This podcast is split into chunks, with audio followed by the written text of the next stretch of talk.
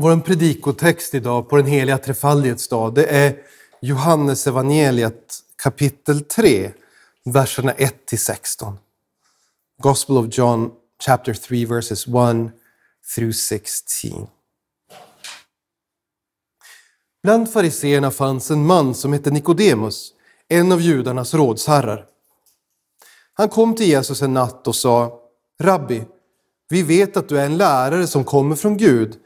Ingen kan göra de tecken som du gör om inte Gud är med honom. Jesus svarade, jag säger dig sanningen. Den som inte blir född på nytt kan inte se Guds rike.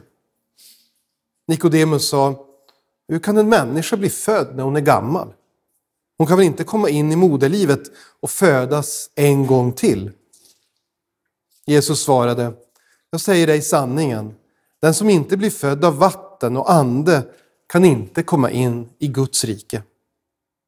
Det som är fött av köttet är kött och det som är fött av anden är ande.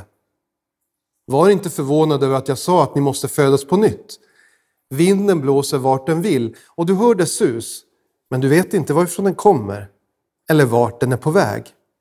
Så är det med var och en som är född av anden. Nikodemus frågade, hur kan det gå till? Jesus svarade, du är Israels lärare. Förstår du inte det här? Jag säger dig sanningen. Vi talar om det vi vet och vittnar om det vi har sett. Men ni tar inte emot vårt vittnesbörd. Om ni inte tror när jag talar till er om det jordiska, hur ska ni då kunna tro när jag talar till er om det himmelska? Ingen har stigit upp till himlen utom den som kom ner från himlen, Människosonen som är i himlen. Och så som Mose upphöjde ormen i öknen måste Människosonen bli upphöjd för att var och en som tror på honom ska ha evigt liv. Så älskade Gud världen att han utgav sin enfödde son för att var och en som tror på honom inte ska gå förlorad utan ha evigt liv. Amen. Låt oss be. Herre, helga oss i sanningen. Ditt ord är sanning. Amen.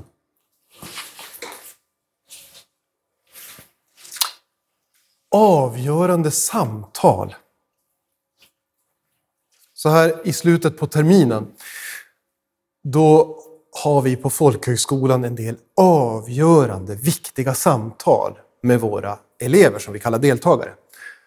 Och då gäller det främst de som inte har skött skolan under terminen. De som har kommit för sällan och när de har kommit har de gjort för lite. Och en del av dem blir då kallade till rektorn för ett avgörande samtal.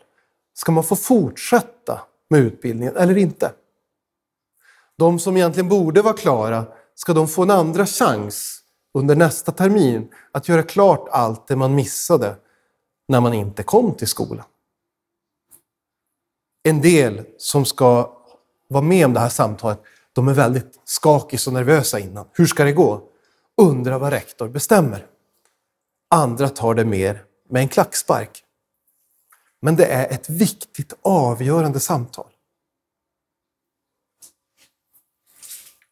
Jag kommer ihåg när jag var 18 år, jag hade nyss fyllt 18, så hade jag ett sånt här viktigt samtal med min pappa. Och efter det samtalet så blev vår relation aldrig som den varit innan. Istället för ömsesidig respekt så fanns det en förståelse och en djupare kärlek. Det var ett avgörande samtal. I vår text idag, då är en man som heter Nikodemus som har ett sånt här avgörande samtal med Jesus. Nikodemus liv blir så aldrig riktigt likt efteråt. Vi kan sammanfatta Jesu budskap till Nikodemus egentligen i två huvudbudskap. Det första är den treenige guden ger liv genom dopet. Och det andra är den treenige guden ger liv genom ordet om den korsfäste. Nikodemus han var en lärd person. Han var medlem av Stora rådet. Det var judarnas högsta styrande organ. Det var egentligen en religiös sammanslutning. Men i och med att judarna såg sig alla som Guds folk så blev det också en politisk roll att vara medlem av Stora rådet. Romarriket som härskade i Israel och över stor del av Europa och Asien på den här tiden. De ville inte blanda sig i för mycket detaljer i länder de styrde. De ville ha in skatt. Och när det blev krig så ville de ha soldater. Och skötte man det och höll sig lugn, då fick man oftast vara i fred. Vi märker när Stora rådet kommer släpande med Jesus till Pontius Pilatus som är romersk landshövding då. Då säger han först, kan inte ni ta hand om det här? Det här var en svår fråga, jag vill helst inte ha med den att göra. Medlemmarna i Stora rådet alltså, de hade stor makt och inflytande. Vi får höra om Nikodemus senare, att han var med när Jesus begravdes. Han betalade de här dyra, välluktande oljorna som man skulle ha för en traditionell judisk begravning. Men när vi möter honom idag så han är inte redo att följa Jesus öppet. Han är nyfiken, men han är också orolig. Och därför kommer han på natten så att ingen ska se. Nikodemus pratade med Jesus. För inom Stora rådet finns det ett motstånd mot Jesus. Man är rädd för honom därför att han gör så mycket under och tecken. Det har man respekt för. Och för att han samlar stora folkskaror. Och det är ju ofta så, om man själv har stort inflytande, folk lyssnar till det man säger. Stora rådet kunde komma med påbud om hur man skulle, vad man skulle äta, hur man skulle fira gudstjänst och hur man skulle klä sig. Så gjorde folk så. Då vill man inte att någon annan ska ta över. Varför lyssnar folk på Jesus? Det uppfattade de som lite hotfullt. Men Nikodemus, han är nyfiken. Han börjar med att säga, jag förstår att du kommer från Gud. Ingen kan göra de tecken du gör utan att vara från Gud. Han vill diskutera vem Jesus är. Men som det ofta blir när Jesus har samtal med människor, så samtalar han inte med dem om det de vill prata om, utan om det de behöver prata om. Vi känner igen det från exemplet med kvinnan vid brunnen, till exempel. Så Jesus vill prata med Nikodemus, inte om vem Jesus är, utan om hur man kan få evigt liv. Och då säger Jesus, man måste födas på nytt. Vår text idag är en undervisning bland annat om dopet, vad dopet är och varför det är så värdefullt. När Jesus instiftade dopet, då sa han uttryckligen att det ska ske i Faderns och Sonens och den heliga Andes namn. Vi blir döpta i den heliga treeniga Gudens namn. Och det betyder att vi får ta del av den gemenskap som innefattar Fadern, Fadern, Sonen och Anden. Och oss. Vi brukar säga ibland, och det har stöd i Bibeln, i dopet blir vi Guds barn. Då fokuserar vi lite på det här barnaskapet hos Gud och tänker kanske framförallt på Fadern. Men det är också så att vi i dopet blir rättfärdigt förklarade. Vi får iklä oss Kristus, står det i Bibeln. Det är ju en bild för att vi liksom får dra på oss Jesu rättfärdighet. Gud ser inte längre våra brister och fel, våra tankar som ibland är själviska eller hämndlystna. Han ser inte heller våra handlingar. När vi inte riktigt kan hålla oss från att ge igen lite grann. Eller säga hur människor verkligen är. Istället ser han Jesus syndfria liv. Och i dopet så föds vi på nytt genom den helige Ande. Den treeniga guden är närvarande och aktiv. Och det är särskilt det som Jesus vill lyfta fram när han samtalar med Nikodemus. Du behöver födas på nytt. I Romarbrevets sjätte kapitel så pratar Paulus om att vi blir begravda med Jesus i dopet. Det är ju märkligt. Vi blir begravda med Jesus. Och så förklarar han, vår gamla människa blir begraven. Vi får lämna den bakom oss. Och så vet ni att vi ändå bär den med oss. Men inte längre den gamla människan som bestämmer. Vi ska dö bort från synden, säger Bibeln, och födas på nytt genom Anden. I dopet, det sker en gång för alla, men det sker också genom livet. Vi får, får tänka tillbaks till vårt dop, även fast vi inte kommer ihåg det. Och komma ihåg att Gud en gång för alla upptagit mig som sitt barn. Och sen under livet väva samman med honom. Komma närmare och närmare Gud, växa i tro, i förståelse och i kärlek till medmänniskorna.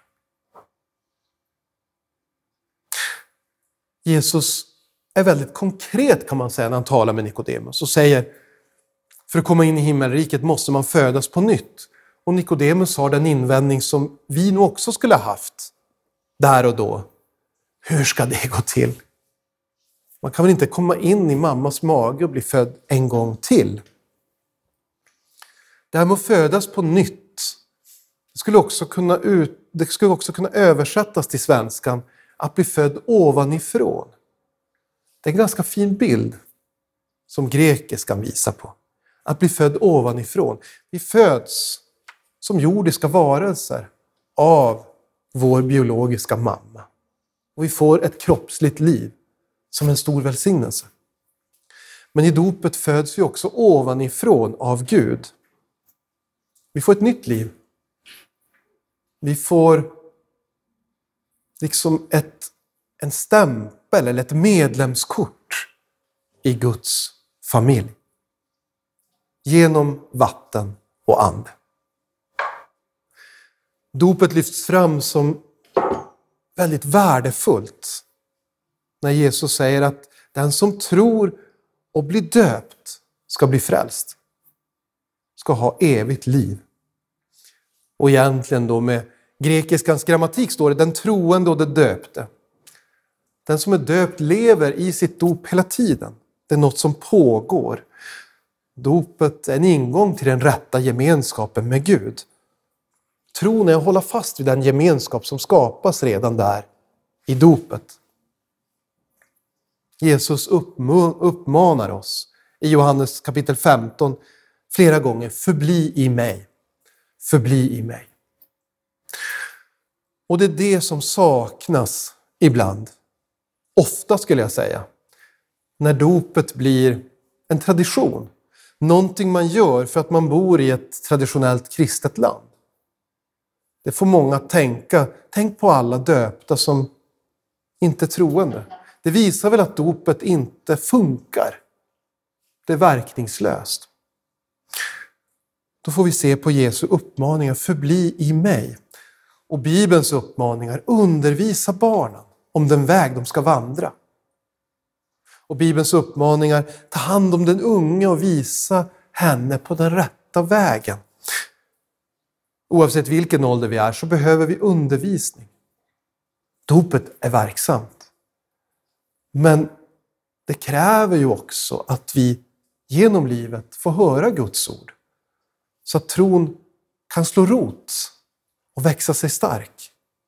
Vi kommer ihåg liknelsen om utsädet. Där en del korn fastnar eller ramlar på, på torr och stenig mark. Tron måste få växa. Markus kapitel 16 så kommer vi också in på den andra sidan av saken. Uttalat på ett väldigt skarpt sätt. Och Jesus talar om det i vår text idag. Den som inte blir född av vatten och ande kan inte komma in i Guds rike. Varför inte? Jo, för att utan att bli födda på nytt, då står vi där med våra egna gärningar inför Gud. Och då måste vi stå för allt det vi har sagt och gjort. Det är ju någonting bra, det brukar man säga ibland. Du ska stå för det du har gjort, så kanske en förälder säger. om någon försöker skylla ifrån sig. Stå för det du har sagt. Ja visst, det ska man göra. Inför Gud har vi inget val om vi inte är födda på nytt. Då får vi verkligen stå för allt vi har gjort och sagt och faktiskt också allt vi har tänkt. Och det är en ganska skrämmande tanke. Sådana som vi är kan vi inte komma in i Guds rike, utan vi måste födas på nytt.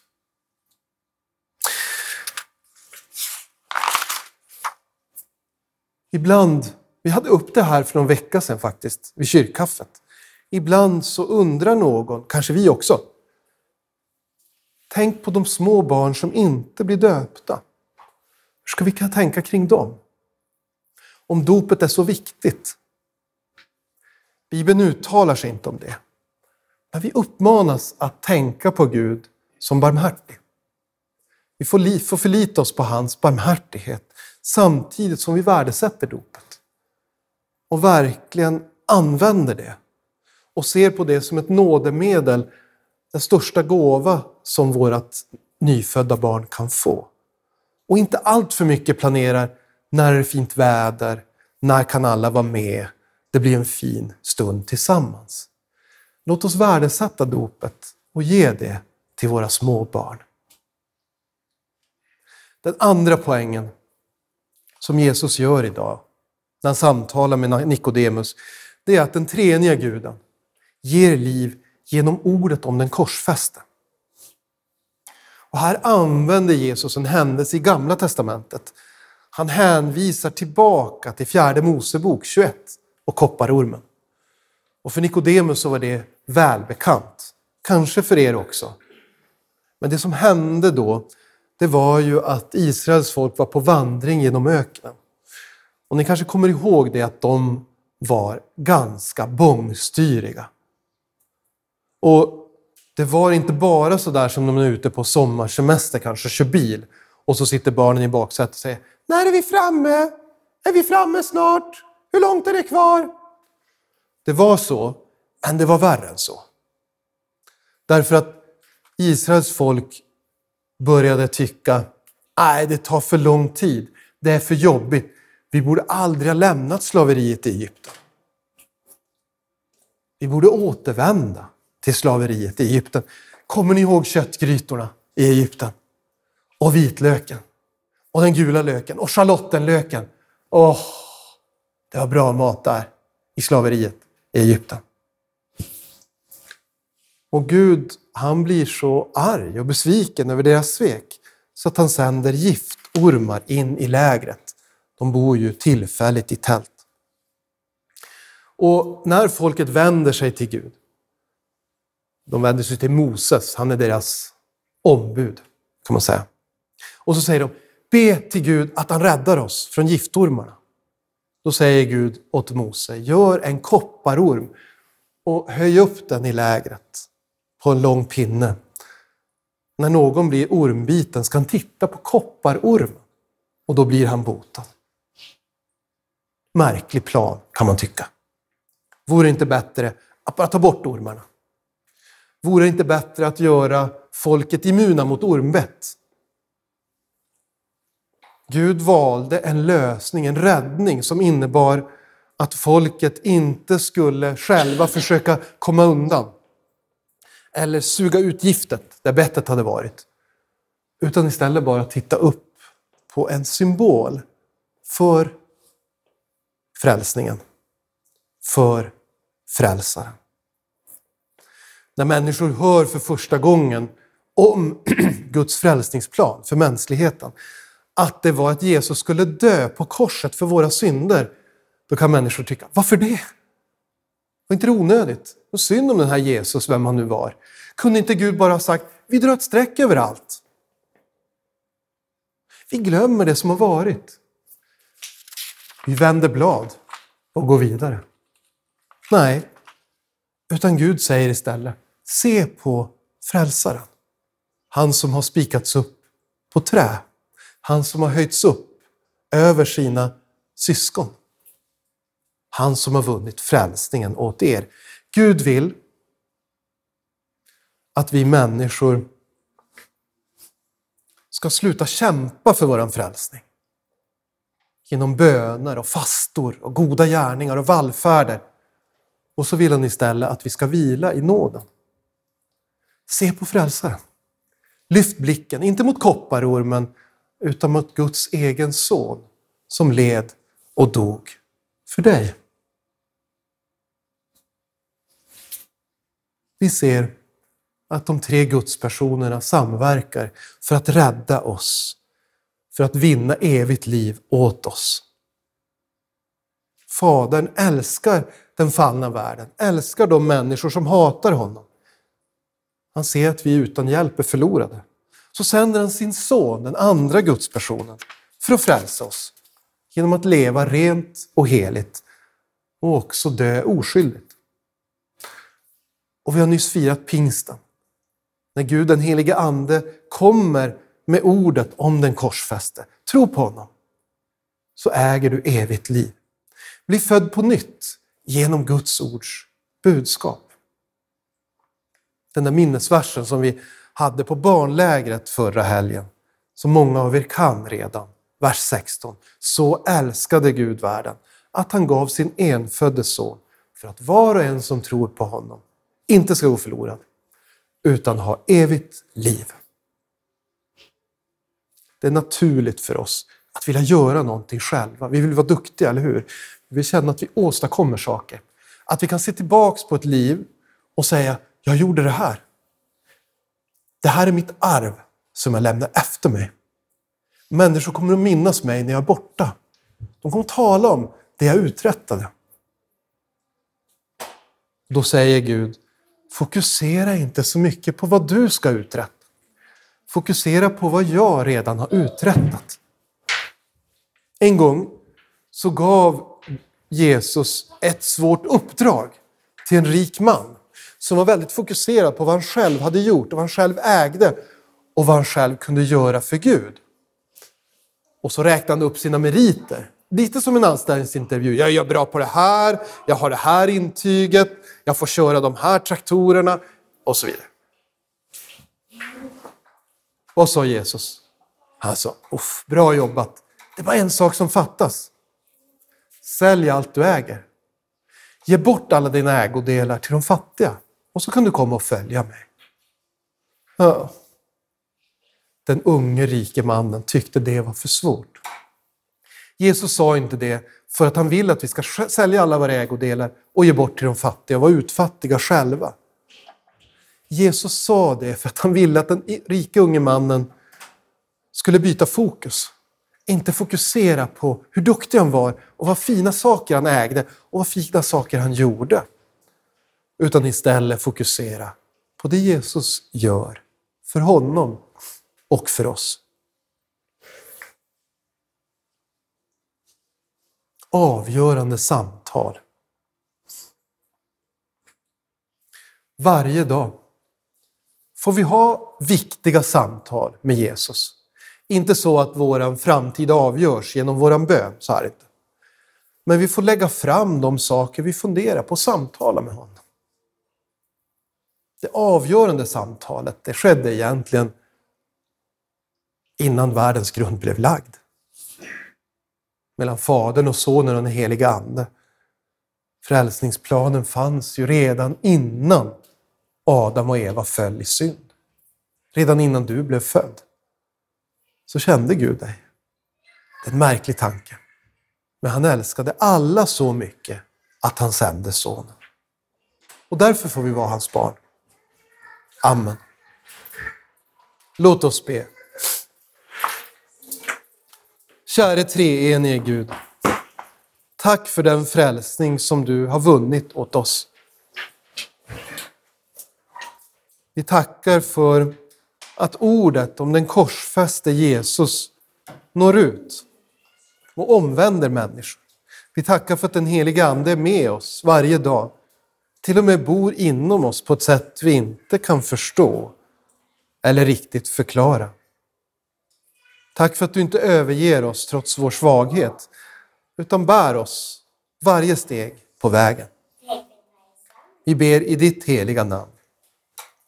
Amen.